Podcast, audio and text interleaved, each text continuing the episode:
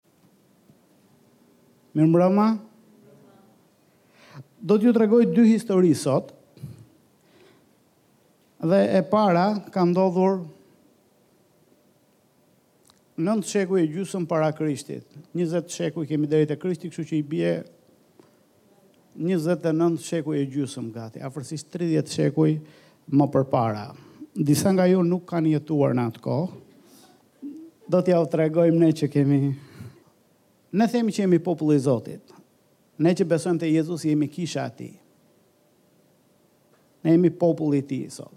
Dhe ai na ka mbledhur nga të gjithë kombet dhe na ka bërë familjen e vet, popullin e vet. Por, kjo gjë ka ndodhur mbas ardhjes së Jezusit, kur Jezusi vdiq e u ringjall dhe kur mori mëkatet tona, dhe ungjilli u shpërnda në gjithë botën, kushdo që beson ungjillin shpëtohet nga mëkatet, shpëtohet nga dënimi i përjetshëm, por gjithashtu bëhet fëmijë i Zotit dhe bëhet pjesë e mbretërisë dhe e popullit të Zotit. Dhe ne quhemi populli i Zotit, një popull i zgjedhur për të shpallur lavdet e tij. A ka Zoti një popull të vetin? Po ka. Je ti dhe unë. Amen. Ne që besojmë tek Jezusi jemi populli i tij. Por ne e dimë që ishte një popull I Zotit dhe përpara se kisha të lindte, dhe cili ishte? Izraeli. Dhe ne e dimë që lindi me Abrahamin, Zoti ju shfaq Abrahamit, plak, gruaja e vet shterp, nuk kishin fmi, ishin ai 75, ajo 65, Zoti i tha do t'ju jap një fmi, edhe mbas 25 vjetësh, kur uh, Abrahami u bë 99 vjeç, Zoti tha që do t'jap fmin dhe Ai njëqind, ajo nëntëdhjetë u bënë me një fëmijë në mënyrë të mbinatyrshme. Dhe nga ky fëmijë Isaku lindi Jakobi, Jakobit i lindën dymbëdhjetë bij të cilët u bënë dymbëdhjetë fiset e Izraelit dhe Izraeli u quajt populli i Zotit. Izraeli u mor skllav ë në Egjipt nën faraonët, Edhe qëndroi atje për qindra vite, derisa Zoti e çliroi me anë të Moisiut dhe do t'i çonte në atë në tokën e premtuar që i kishte premtuar Abrahamit që në këtë tokë do të jetojnë pasardhësit e tu që do jenë populli im.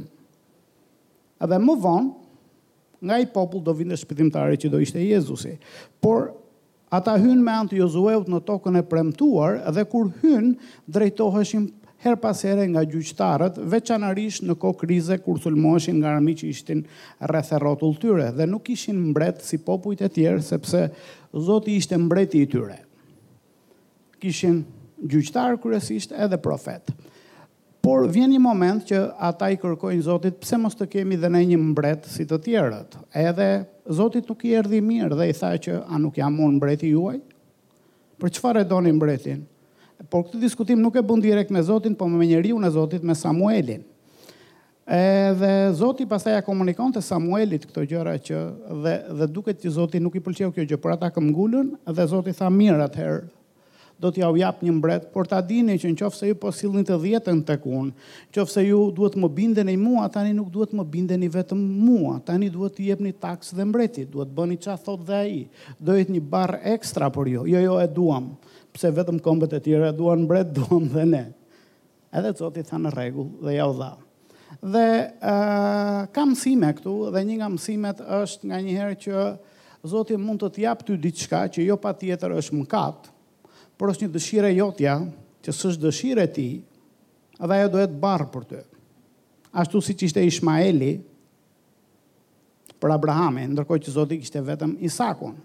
Ë edhe kështu që nganjëherë duhet të jemi goxha të kujdesshëm të mos shtyjmë me zor, Zot, e dua dhe këtë e dua, e dua, e dua.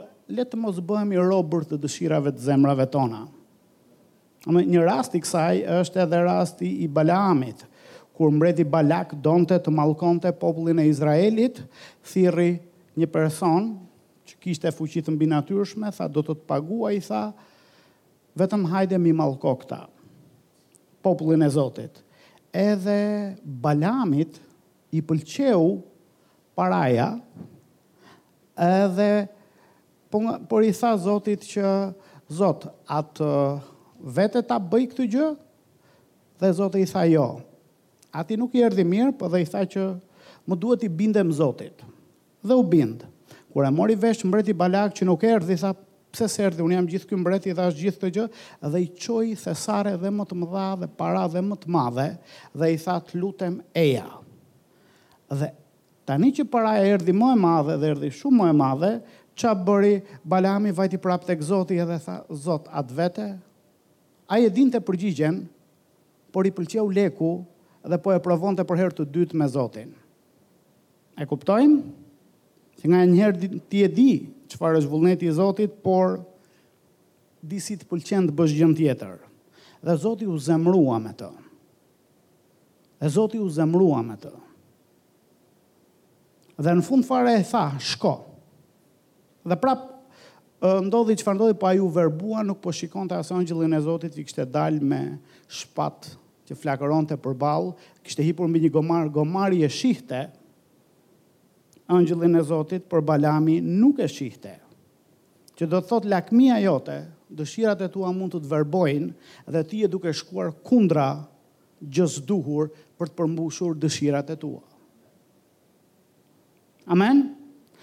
Kështu që kjo është vetëm për të ilustruar dëshirën e popullit izraelit për të patur një mbret që që me shpesh herë janë disa gjëra që ne i duam edhe për shkak sepse nuk kanë emrin mëkat, për shembull nuk janë vjedhje, nuk janë vrasje, nuk janë uh, mashtrim i dikujt, uh, disi ne justifikojmë ato, por realisht ne jemi duke shkuar në drejtimin që nuk duhet.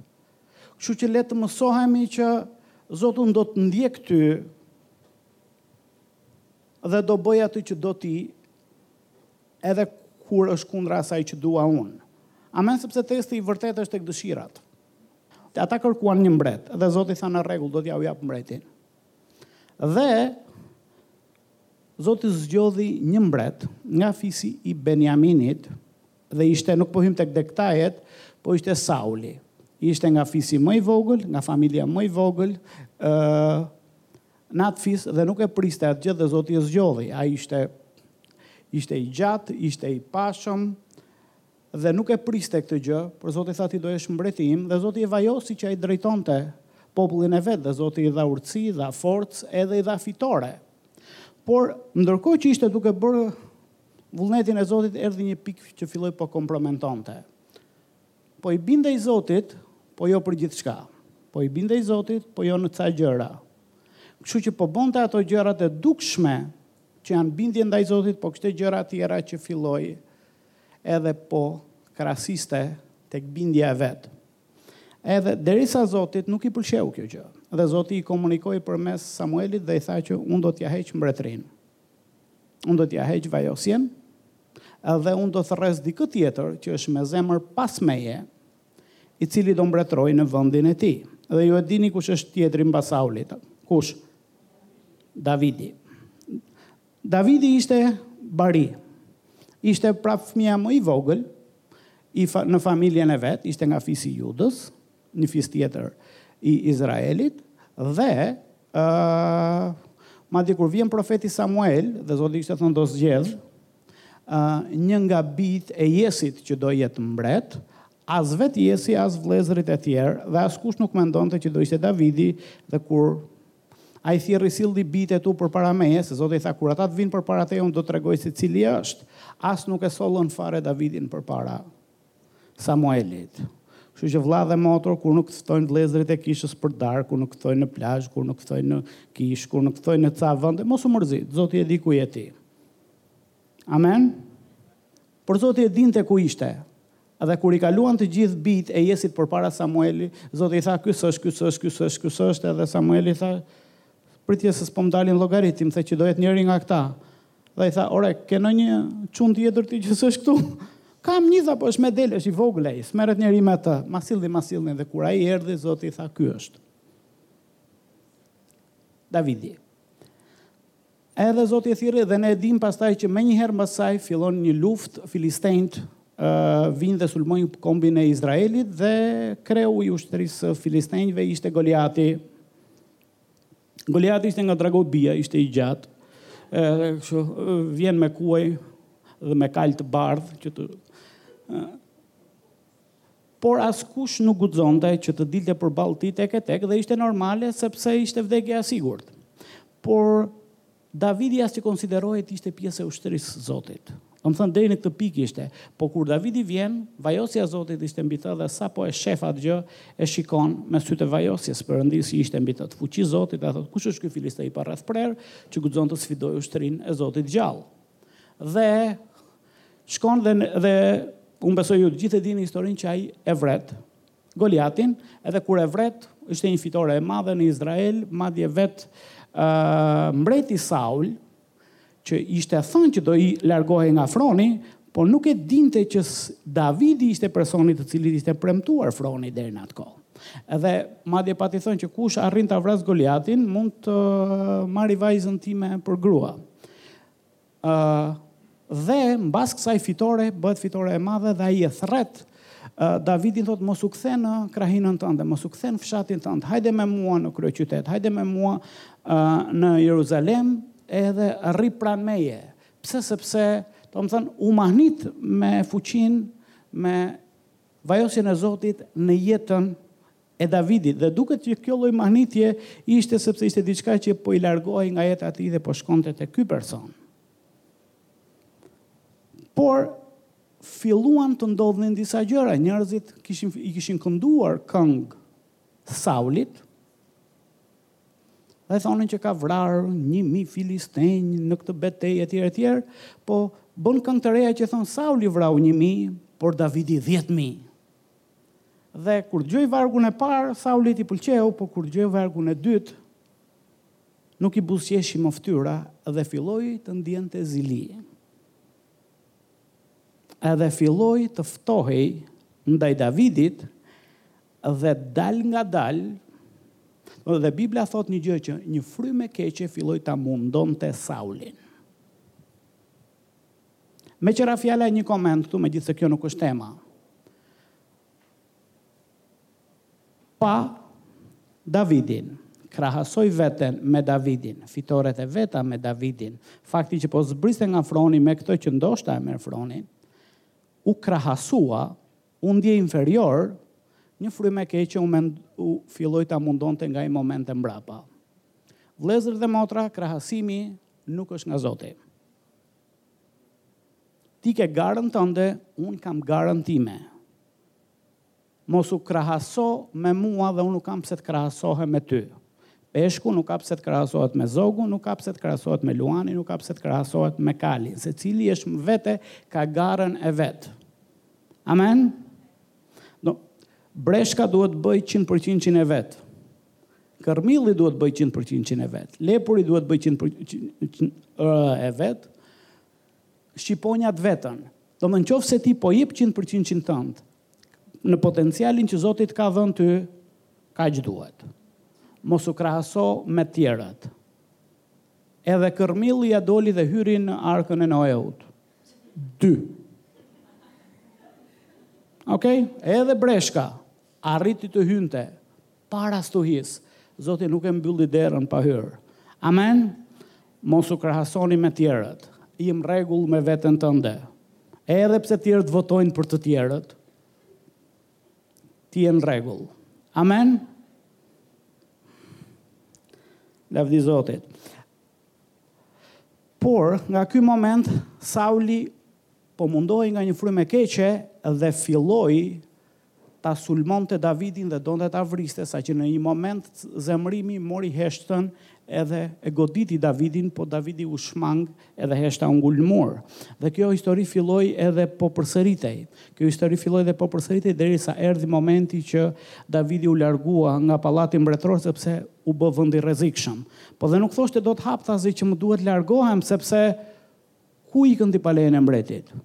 Saqë po nxirrte fjalë që o kemi një lloj feste, do bëjmë një flijim në familjen tonë, më duhet të shkoj atje, kur të po pyeti mbreti për këtë gjë i thoni këtë gjë, pse sepse është mbret, nuk është si në kohën tonë dhe mbreti ishte ai që vendoste. për çdo gjë, por u krijua një lloj tensioni, mbreti në pushtet i keq, Davidi që supozohet të bëhet mbret, që ka zemër për Zotin, po ndihet si në mëshirë të fatit. Davidi që vrau Goliatin është i pambrojtur sepse gjithë ushtria është e mbretit.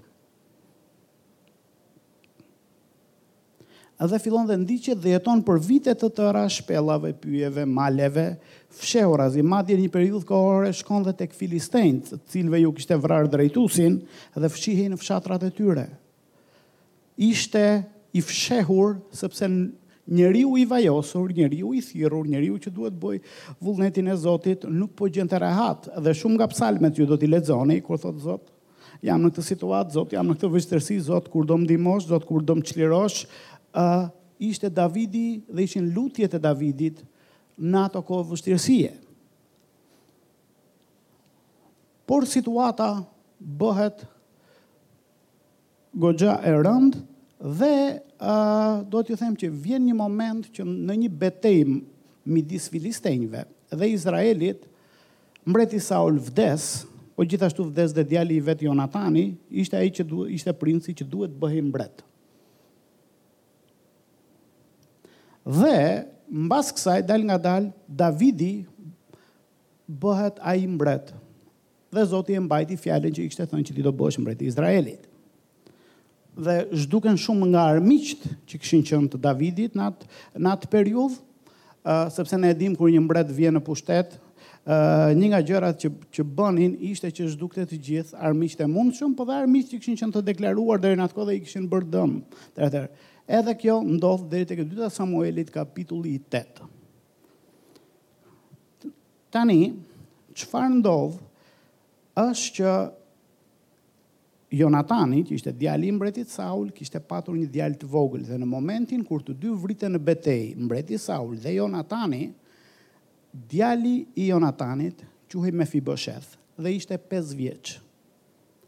Dhe, mbasi merret vesh vdekja e tyre, të gjithë familja që apo shërbëtorët që ishin pjesë e familjes së Saulit janë të trembur tani pse sepse tani dikush tjetër do vijë në pushtet. Edhe ne jemi armiqtë, edhe neve duhet të zhdukemi. Dhe nga shpejtësia dadoja, babysiteri taja që kujdesej për fëmijën 5 vjeç e merr dhe nga shpejtësia i rrëzohet diku dhe i, i ndrydhen, apo jo i këputen këmbët, po i prishen këmbët sa që ai nuk u zhvillua më, më tej, por ngeli i çalë, 5 vjeç. Dhe ajo shkoi në një vënd që quhej Lodebar, edhe ishte një vënd i harruar, vënd i shkretë, vënd që nuk ishte dëshirë të shkonte njeri dhe shkojnë dhe fshihen atje në shpinë e dikujt, që disi nuk e njihnin, dhe jetojnë atje të fshehur për vite me radhë, ndërkohë që Davidi filloi të mbretëronte në mënyrë të suksesshme. Tani, ja kush është Mefiboshethi dhe historinë e këtij jemi duke treguar. E ju do thoni pse i tregove gjithë këto gjëra? Është sepse shpesh herë ti nuk merr gjëra në jetë të mira apo nuk merr nuk edhe nuk paguan gjëra negative në jetë vetëm për gjërat që ti bën apo s'bën, po edhe për shkak të trashëgimisë nga vjen. A është e vërtetë? Ty të thonë i biri i ti vjen nga edhe ca thonë a bravo, ca thonë y. Për shkak të atyre dhe ti thua që unë s'kam bërë asgjë, ç'faj kam unë se sillen keq apo kanë bërë këtë gjë paraardhësit e mi, po nga ana tjetër domethënë dikush edhe të lavdron apo të hap derën, për një të mirë që s'e ke bërë ti, po e kanë bërë ata. Edhe në këtë situatë ishte Mefiboshethi tani. Dhe uh, është i çalë, që do thotë nuk ecën, është rritur, është bërë burrë, disi është martuar me, me dikë që kishte pranuar, nuk e di që në ça kushtesh kishte qenë ajo, nuk na tregohet në Bibël, po ajo pranoi dhe madje kishin edhe një fmijë. Por ai jetonte i fshehur dhe imagjinoni ça gjëndje është. Domethënë, ai di vetëm ça i kanë treguar familja që e ka strehuar dhe ça i ka treguar dadoja apo babysiteri që e ka rritur. Dhe i ka thënë që gjyshi yt ishte mbret, babai yt ishte princ gati për t'u bërë mbret dhe mbas tij ishte radha jote. Por, Tani është një mbret tjetër, gjyshi ka vdekur, babi ka vdekur, ti je vetëm. Dhe, nëse të kap mbreti që tani është në pushtet, ashtu siç ekzekutoi dhe zhduku gjithë të tjerët, e ke radhën ti, kështu që rri i fshehur, rri urtë, mos e hap gojën dhe nëqoftëse ke dalë deri aty po të pyeti dikush si e ke emrin, thuaj ndonjë gjë tjetër, po mos trego kush je në të vërtetë. Do doni të ishit në të njëjtën situatë? Unë jo. Dhe vendi në të cilin ishte quhej Lodebar. Dhe duhet them ta përshkruaj pak Mefibosheth dhe Lodebar. Emri Mefibosheth do të thotë nga goja e turpit. Imagjino çik, fjala turp është fjalë shumë e rëndë. Ne kemi edhe fjalën faj, që dikush ka bërë një faj, po të kesh domethënë kur vete në nivelin e turpit, turpi është një gjë që shumë e rëndë. Por ta kesh emrin, domethënë i dal nga goja e turpit, të burosh nga turpi dhe të, dhe të komunikosh turp, të kesh dhe emrin e tillë, domethënë është Shumë e rëndë. Domethënë, ti nuk fillon të thu, e, kur të pyesin si si e ke emrin, nuk e thua vetëm për shkak se e merr vesh mbreti, po ty të vjen turp të thush dhe emrin tënd se ke emër turpi. Por e tillë ishte gjendja e tij sa që dhe emrin e kishte të tillë. Kurse vendi Lodebar do të thotë një vend pa kullota. Dhe ne e dimë në një uh, vend ku blegtoria dhe bujqësia është kryesore, kullota është jetë, sepse aty ushqehen kafshët dhe nga ato do ushqehesh edhe ti. Po ja ku ishte një vend pa kullota, vend i shkretë. Edhe ishte një vend kështu pa komunikim dhe ja ku kishte rënë aty dhe ja ku është një person i cili vetë s'hecën dot, që do të thotë i paaftë në jetë, është në gjendje duke patur frikë për jetën e vet, duke jetuar gjithë jetën në frikë, gjendet në këtë situatë Dhe e di që rreziku mund të vijë nga momenti në moment, që dikush mund të vijë nga ata që janë në krye të mbretërisë dhe t'i marrin jetën atij dhe familjes vet. Dhe një ditë ai dëgjon një zhurmë që s'e kishte dëgjuar ndonjëherë. Edhe ishte zhurma e shumë kuajve dhe e shumë karrocave që ishin duke ardhur drejt shpisë ku ai banonte. Dhe unë nuk di detaje ta them, por po imagjinoj që disi e dëgjoi këtë gjë dhe kur e pa ishte shpura mbretërore, kishte kalorës që ishin duke ardhur dhe e dinte mirë çfarë do thoshte. Gjëja nga e cila kishte patur frikë gjatë gjithë kohës, erdhi momenti dhe ai mund ta kishte patur kush e di sa herë çfarë do ndodhi, si do ndodhi, po të përballej me një rast të tillë çfarë do bëjë dhe ai nuk vraponte dot. Dhe ai nuk fshihej dot. Dhe dhe njerëzit të cilin e rrethonin nuk ishin njerëz shumë të aftë dhe shpeshherë në momente të tilla njerëzit e tjerë ngrenë duart dhe për të shpëtuar jetën e vet, "atë doni ja ku është te dhoma" Dhe kur ai dëgjon hapat, atë trokullimën e kuajve dhe zhurmën e karrocave që është duke ardhur, domethënë është nuk mund ta imagjinoj dot ç'a ishte duke i ndodhur. Po i thonë që eja dhe do të çojmë në pallatin mbretëror. Dhe e çojnë drejt pallatit mbretëror. Dhe ai e dinte çfarë fati e priste. Por, këto ishin gjërat që atij i kishin thënë familja ku po jetonte dhe dadoja që e rriti. Por ishte diçka që ai nuk e dinte. Edhe ishte diçka sekrete. Dhe për këtë gjë dua t'ju flas tani. Diçka që kishte ndodhur kohë më përpara, pa dijenin e tij, pa dijenin e dados që e rriti, pa dijenin e shtëpisë ku e rriti. Dhe nuk e dinin shumë njerëz tjerë, po e dinin vetëm dy vetë. Edhe për mua kjo është shumë e madhe, po le ta zbulojmë së bashku. Unë ju thashë që uh, mbasi vrau Goliatin, Sauli e mori me vete dhe i tha, eja në pallat. Një Samuelit kapitulli 18, vargu 1. Kur mbaroi së foluri me Saulin, shpirti i Jonatanit, djalit të Saulit, se po kthehemi në kohë, mbeti i lidhur me shpirtin e Davidit dhe Jonatani e deshi si shpirtin e vet. Pra, princi, që ishte gati për t'u bërë mbret, e deshi Davidin. Vargu 3. Kështu Jonatani lidhi një besëlidhje me Davidin, sepse e donte si shpirtin e vet. Pastaj Jonatani, vargu 4, hoqi mantelin që kishte veshur dhe ia dha Davidit dhe i shtoi gjithashtu rrobat, shpatën, harkun dhe brezin e tij. Kjo ishte çfarë Mefiboshethi nuk e dinte dhe të tjerët nuk e dinin, po ishte diçka që ndodhi në sekret, në fshehtësi, midis dy burrave. Që në atë kohë ishin çuna të rinj. Haleluja. Dhe u zhvillua marrëdhënia e tyre në fshehtësi.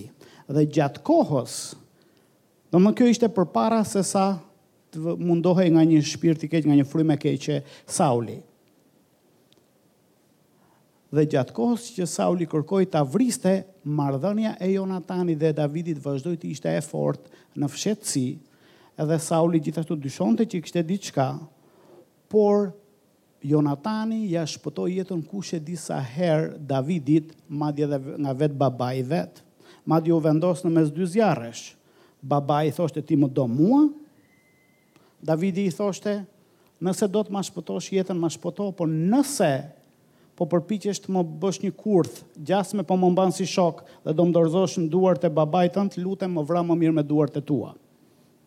Dhe Jonatani e kishte kuptuar. që po i vinte fundi perëndimi mbretërimit babait vet dhe fare mirë mund të mbante anën e babait dhe për interesa egoiste sepse po jam unë mbreti në radhë. Po njerëzit që duan Zotin, duan Zotin më shumë se interesat e tyre. Edhe e pa që vaji i Zotit dhe thirrja e Zotit peshonte mbi kokën e Davidit,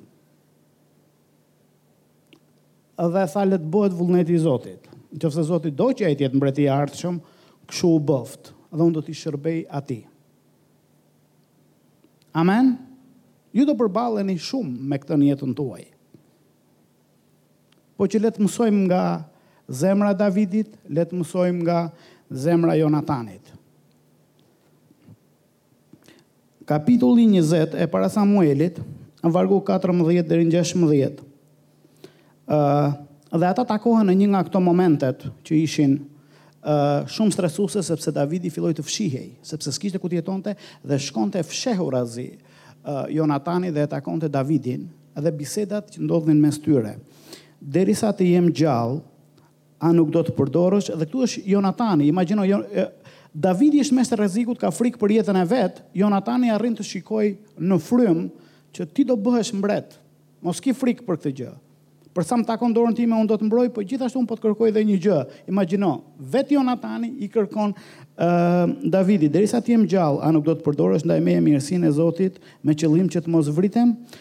Por nuk do të heqësh dorë kurrë të përdorësh mirësinë ndaj shtëpisë sime, se atë, as atëherë kur Zoti të ketë shfarosur nga faqja e dheut tërë armiqtë e Davidit. Kështu Jonatani lidhi një besëlidhje me shtëpinë e Davidit, duke thënë, Zoti t'u kërkojë llogari armiqve të Davidit për gjakun. Vargu 42 në të njëjtin kapitull. Pastaj Jonatani i tha Davidit, Shko në paqe, tani që të dy jemi betuar në emër të Zotit, Zoti le të jetë përgjithmonë dëshmitar midis meje dhe teje, dhe ndërmjet pasardhësve të tu dhe pasardhësve të mi. Po flasim për, për fëmijët tani. Po flasim për fëmijët tani. Dhe kjo është një gjë që Mefiboshethi nuk e dinte, babysitteri nuk e dinte dhe të tjerët nuk e dinin. Dhe këtë gjë e dinte vetëm Jonatani dhe Davidi, por në historinë e mëvonshme e di vetëm Davidi se Jonatani ka vdekur.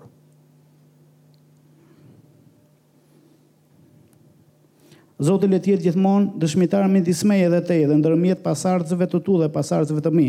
Pastaj Davidi u ngrit dhe iku dhe Jonatani u kthye në qytet.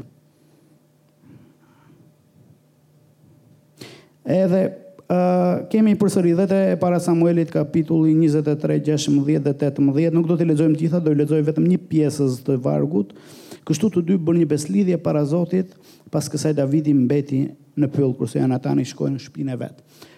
Edhe në të gjithë këto kapituj ka shumë detaje që që janë të mrekullueshme dhe nuk po hyjmë uh, këtu, por po e shikoni që ka ndodhur një besëlidhje e fshehtë midis dy burrave dhe të tjerët nuk e dinë.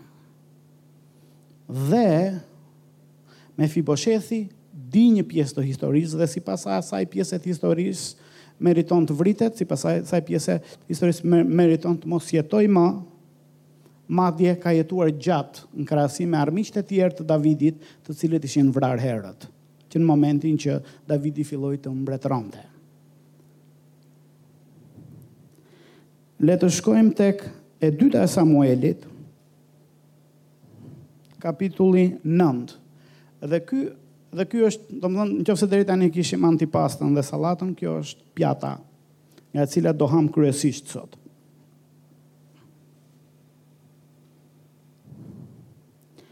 Tani ja ku është Davidi mbret. Dhe këtu është pak përpara sesa Mefiboshethi të dëgjonte trokullimën e kuajve. Davidi tha, A ka mbetur akoma ndonjë nga shtëpia e Saulit? Dhe kur njerëzit e dëgjojnë këtë, është, O-o! Shumë kanë vdekur, shumë nga armiqtë e tij, ai po pyet a ka mbetur ndonjë gjallë. Dhe ne e dimë, kur një mbret bën një pyetje të tillë, ne e dimë pse e bën pyetjen. A e mbani mend? Domethënë, vetë Sauli, kur e mori vesh që dikush ishte pretendent Për fronin direkt donte ta vriste Davidin, tani që Davidi është bërë është në fron, shikon nëse ka ndonjë rrezik për fronin që të mund ta vrasë. Ju e mbani mend dhe me Jezusin, kur lindi Jezusi, vin dijetarët në Jeruzalem dhe thonë ku është mbreti i judenjve që sapo ka lindur? Herodi është në fron dhe trazohet gjithë qyteti.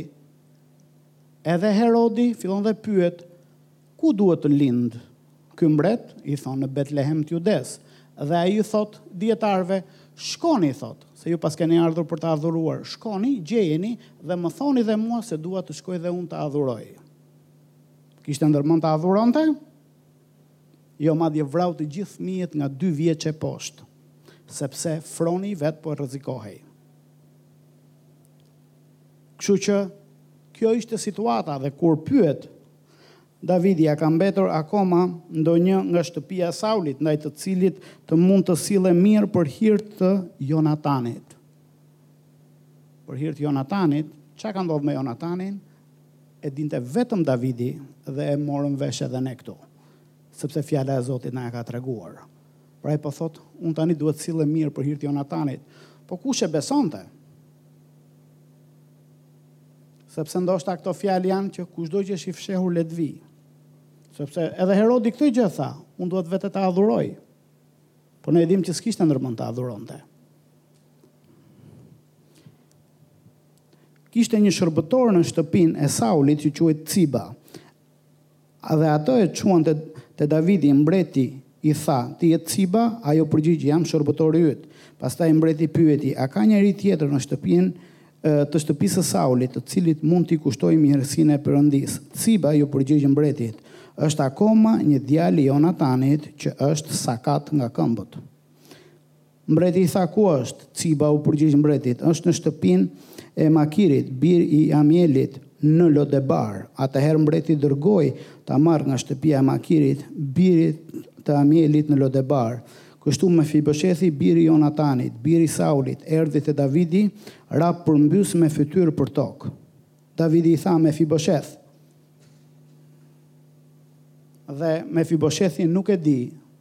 Besëlidhjen sekrete që unë dhe ti e dimë. Ai u përgjigj, ja, shërbëtori yt. Davidi i tha, mos ki frikë, sepse kam ndërmend të sillem mirë me ty për, da, për dashurinë që kisha për Jonatanin atin tënd. Do të të kthej tërë tokat e Saulit të parit tënd dhe ti do të hash gjithnjë në tryezën time. Wow. Wow. Mos ki frikë, sepse kam ndërmend të sillem mirë me ty. Vetëm ta kishte lënë gjallë, ishte mjaftueshëm në kushte tjera. Atje ku ishte, në një vend të shkretë, kot, vetëm pa ushqim mjaftueshëm, Por kam ndërmend të sillem mirë me ty. Kam ndërmend të sillem mirë me ty. Ne themi Davidi që këndon psalmet. Davidi ishte luftëtar. Davidi ishte vrasës. Davidi kishte vrarë kur kur i pati thënë Sauli që që të meritosh vajzën time, shko vra 100 filistenj, ai shkoi dhe i tha, vrava 200. ishin njerëz gjakatarë. Dhe kur neve lexojmë, domethënë këto gjëra kështu që ne s'jemi në epokën që i lëm 200 lekë bakshish kamerierit.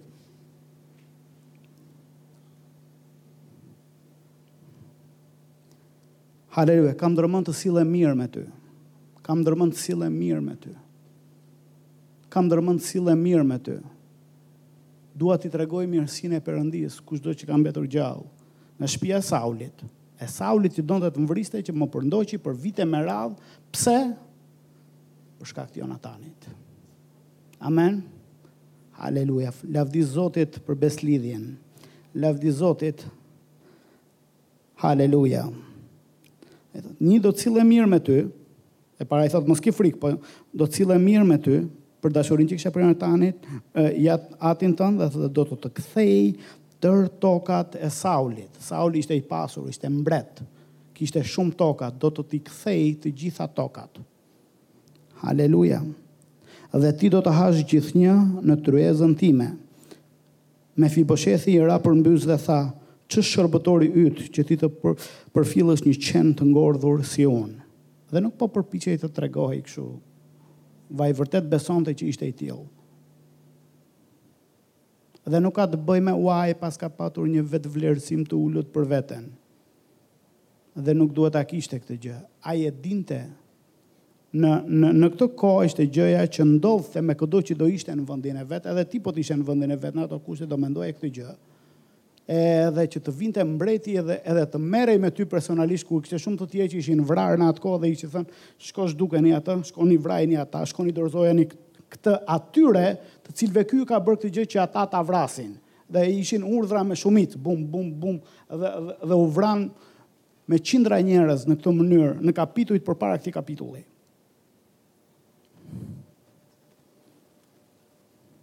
Atëherë mbreti thirri Ciban, shërbëtorin e Saulit dhe i tha, tërë ato që i përkisnin Saulit dhe tërë shtëpisë së tij, po ia jap birit të zotërisë tënd. Ciba ishte kryeshërbëtori që kishte qenë, që i kishte mbetur gjallë i Saulit. Kështu pra, bashkë me bijtë dhe shërbëtorët e tu do të punosh tokën për të, për Mefiboshethin, dhe do të mbledhësh prodhimet e saj, me qëllim që i biri i zotërisë tënde të ketë bukë për të ngrënë. Për Mefiboshe, por Mefiboshethi, biri i zotërisë tënde, do të hajë gjithnjë në tryezën time. Ciba kishte pesëmbëdhjetë bijë dhe njëzet shërbëtorë, tridhjetë e gjashtë veta bashkë me të, që do punonin për të. Por ai nuk do hajë ato prodhime, ai do hajë në tryezën time, dhe nuk do ishte që ai do shkonte në tokat e veta që sa kilometra larg ishin, edhe kur të vinte koha drekës do vinte për drekë, do thosh që ai do jetonte në pallat me Davidin. Davidi e adoptoi si një nga fëmijët e vet. Dhe Sol, Solomoni ishte aty, Absalomi ishte aty, bijtë e tjerë ishin aty. Dhe Mefiboshethi është ulur me Solomonin dhe kanë ngrënë mëngjes, drekë, darkë, çdo ditë të jetës vet, kanë fjetë në të njëjtat dhoma, kanë lozur në të njëjtin oborr. Ciba i tha mbretit, Shërbëtori yt do të bëjë të gjitha ato që mbreti zotëria ime urdhëron shërbëtorit tënd. Kështu Mefiboshethi hante në tryezën e Davidit si një nga bijtë e mbretit. Mefiboshethi kishte një djalë të vogël që quhej Mika, dhe tërë ata që rrinin në shtëpinë e Cibas ishin shërbëtorë të Mefiboshethit. Mefiboshethi banonte në Jeruzalem, sepse hante gjithnjë në tryezën e mbretit, ishte sakat nga të dy këmbët. Lavdi Zotit. Lavdi Zotit. Unë ju thashë që do ju tregoja dy histori. Dhe kjo ishte historia e parë. Historia e dytë është historia jote. Dhe edhe ka një paralelizëm midis tyre dy historive. Tek historia e parë ne e pamë Saulin.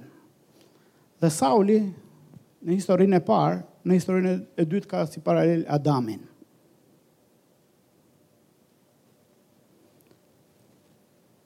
Jonatani, Jezusin, Davidi, Perëndinë dhe Mefiboshethi je ti. Dhe Cibën do ta quajmë frymën e shenjtë, edhe shërbëtorët e tjerë engjëjt. Por, ashtu siç ishte gjyshi i vet ose paraardhësi i vet, mbret, Sauli, Davidi është ai Adami është paraardhësi i të gjithë neve. Dhe siç mëkatoi Sauli dhe iu hoq mbretëria, dhe e drejta për të mbretëruar, Kështu Adami mëkatoi përpara Perëndisë dhe iu hoq e drejta e mbretërisë dhe iu morën tokat, sundimi mbi tokën dhe çdo e mirë që iu dha. Dhe, për pasojë, të gjithë pasardhësit e Adamit janë nën mallkim, janë nën mëkat, janë në gjykimin e Perëndisë.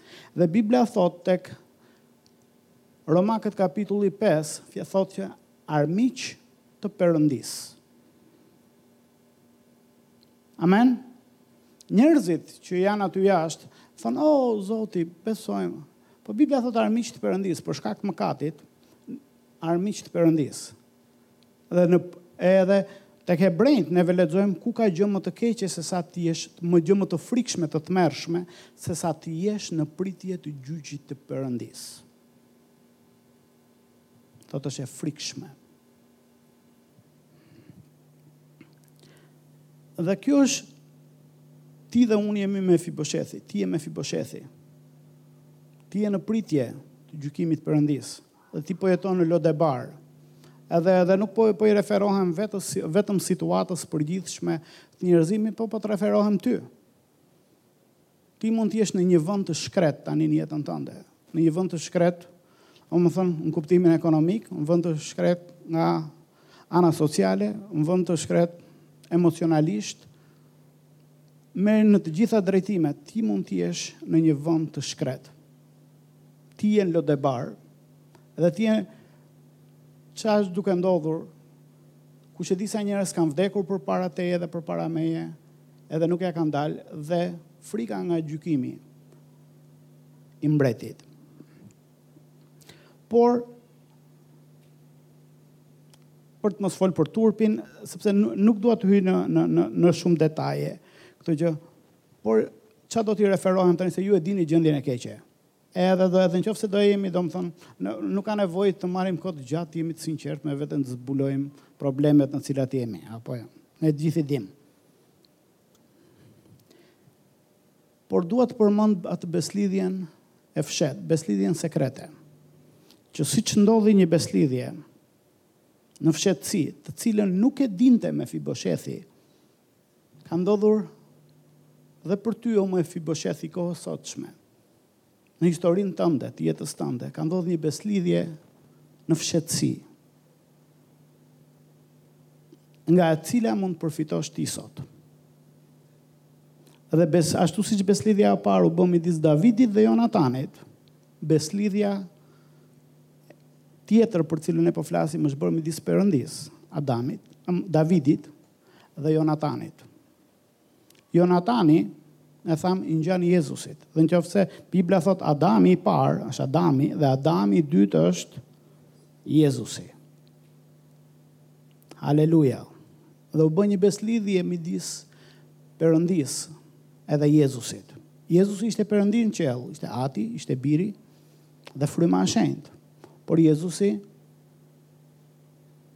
Erdhi u bë njeri, u fut brenda trupit të Marisë dhe lindi si njeri. Jezusi ishte Perëndi dhe vazhdon të jetë Perëndi, por gjithashtu u bë njeri. Është krijesa më unike në univers. Nuk ka asnjë si Jezusi, që është njëqind për qind njeri, njëqind për qind Perëndi. Ne themi Jezusi është Zot, dhe është. Por gjithashtu Jezusi është njeri, dhe është. Amen? Dhe po arsyeja pse ai erdhi në tokë është sepse nuk ishte rrugë tjetër shpëtimi për ne Mefiboshethët. Dhe nuk ishte asnjë person që të mund të ndërhynte për ne. Dhe prandaj ndodhi ajo besëlidhje. Dhe ne e dimë çfarë ndodhi në kryq. Jezusi shkoi në vendin e dënimit tonë, në vendin ku Mefiboshethi duhet të dënohej për shkak të zemërimit të mbretit, sepse e meritojmë, për shkak të mëkatit tonë, sepse paga e mëkatit është Haleluja. Edhe nuk ka vetëm një pritje të zemërimit të Perëndisë për këdo që mbi të cilin zemërimi i Perëndisë peshon, thotë Bibla, dhe peshonte mbi ne. Por Jezusi erdhi dhe peshoi mbi të zemërimi i Perëndisë dhe ai e mori atë gjë. Dhe Bibla e quan atë që Jezusi bëri sakrificë, e quan atë që ai bëri për ne zëvendësim, por kjo lloj marrëveshje që ndodhi midis Atit edhe Birit Ai e quan besëlidhje. Ashtu siç lidhën besën Jonatani me Davidin, kështu lidhi besën Perëndia, por nuk e bëri me ne, sepse ne ishim të paaftë. Perëndia e provoi, shumë kohë e provoi me Adamin, E provoi me popullin e Izraelit, e provoi disa herë dhe gjithmonë dështonin njerëzit nga ana e tyre të besëlidhjes, se besëlidhja bëhet mes dy palëve. Njëra palë dhe pala e dytë, secila palë duhet mbaj uh, përgjegjësitë e veta në besëlidhje dhe secila palë përfiton ka përfitimet e veta në besëlidhje. Por të gjitha palët Në beslidhje kishin shkarë më përpara dhe Zoti tani me kë do ta bëjë beslidhjen, vetë Zoti bëhet njeri dhe ja ku është Ati në qiell, Biri në tokë njeri dhe ndodh një beslidhje midis tyre. Dhe lidhet besa midis Atit edhe Birit. Ati e bën pjesën e vet dhe ky njeri, Jezusi, që nuk është si të gjithë tjerët që janë të rënë, por që është besnik dhe i shenjtë, e bën pjesën e vet të beslidhjes dhe kjo është beslidhja që ndodhi midis Atit dhe Birit. Ndodhi edhe u ratifikua me gjakun e çmuar të Jezusit. Është vulosur me gjak. Dhe ne e dimë që mbas ringjalljes Jezusi u ringjall dhe u paraqit përpara fronit të Perëndisë, përpara shenjtërores tek pajtusi dhe prezantoi trupin e vet. Dhe prezantoi gjakun e vet. Ishte njëkohësisht dhe kryeprifti që po sillte sakrificën, po ishte njëkohësisht dhe sakrifica, ishte qengji. Dhe u bë një beslidhje. Dhe Hebrenjtë kapitulli 8, vargu 6 thotë që sot ne kemi një beslidhje të re, e cila është e bazuar në premtime më të mira.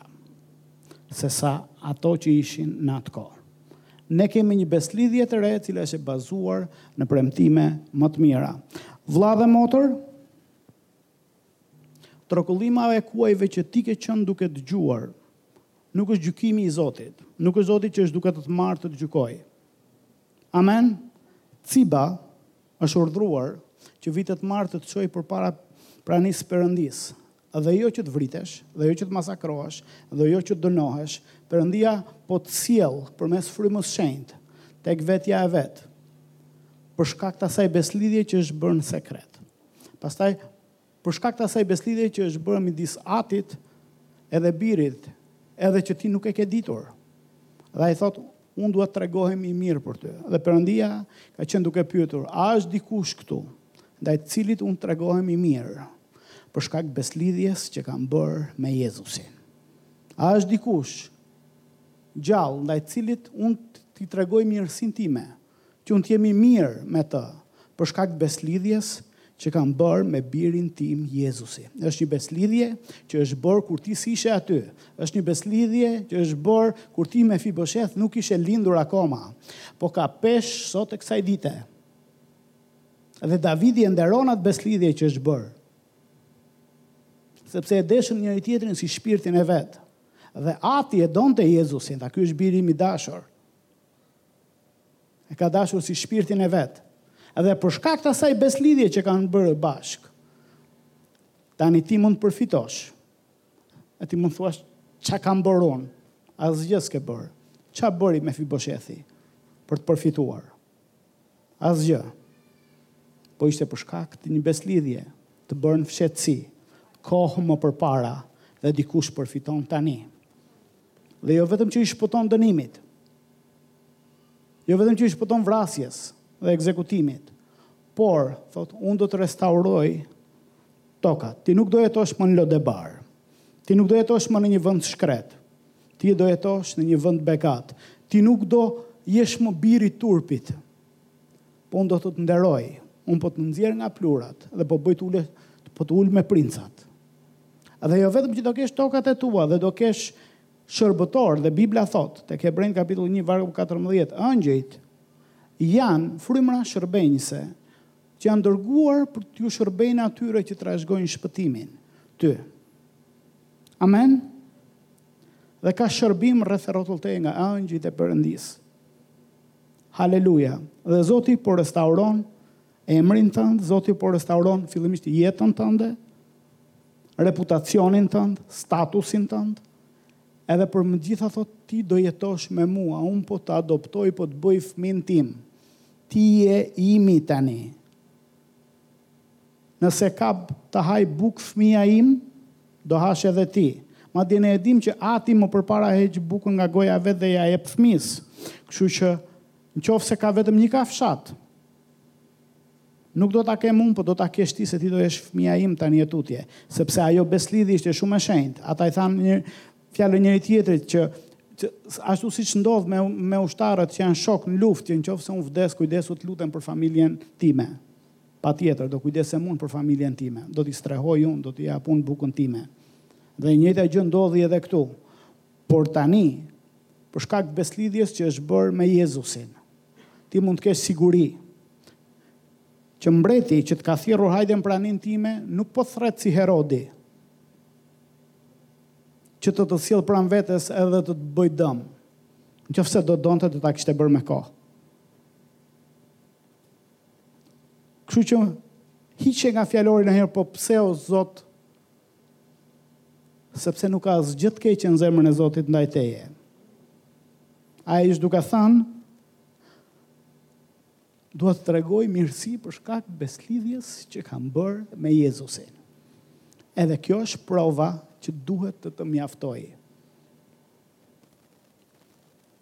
Dhe satani këtë gjë do t'jua mbajë njerëzve të fshehtë edhe sekret që mos ta dinë. Sepse njerëzit e dinë të gjithë që kanë mëkat në zemër dhe e dinë të gjithë që kanë një gjyq, sepse vetë ndërgjegja e tyre jua tregon atë gjë.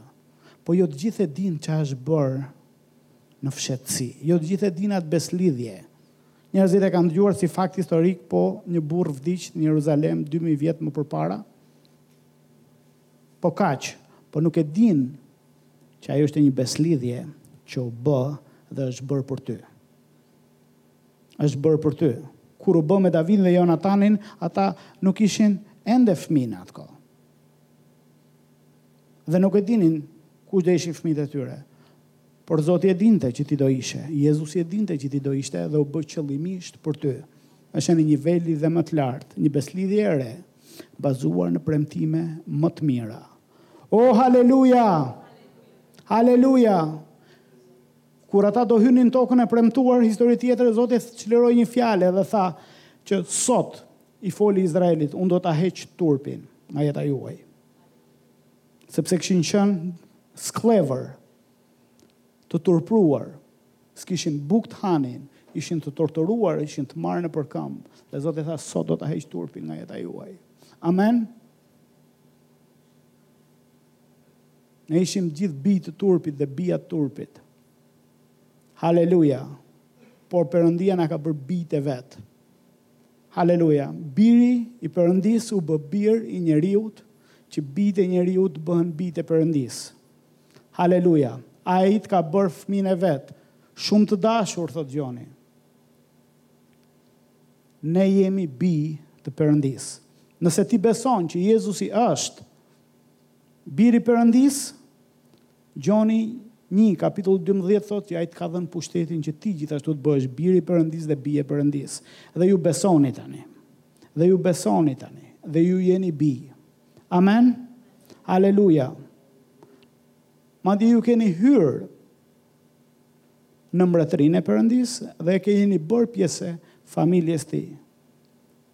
Efesianët thotë, ju nuk jeni më bujtës, nuk jeni më miq, po ju jeni bërë pjesë.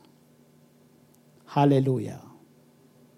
Jeni bërë pjesë e mbretërisë, jeni bërë pjesë e familjes, ai është ati nga i cili merr emër çdo familje në tokë dhe ai është ati yt. Haleluja. Jezusi iu tha dishepujve, Perëndia im dhe Perëndia juaj, ati im dhe ati juaj.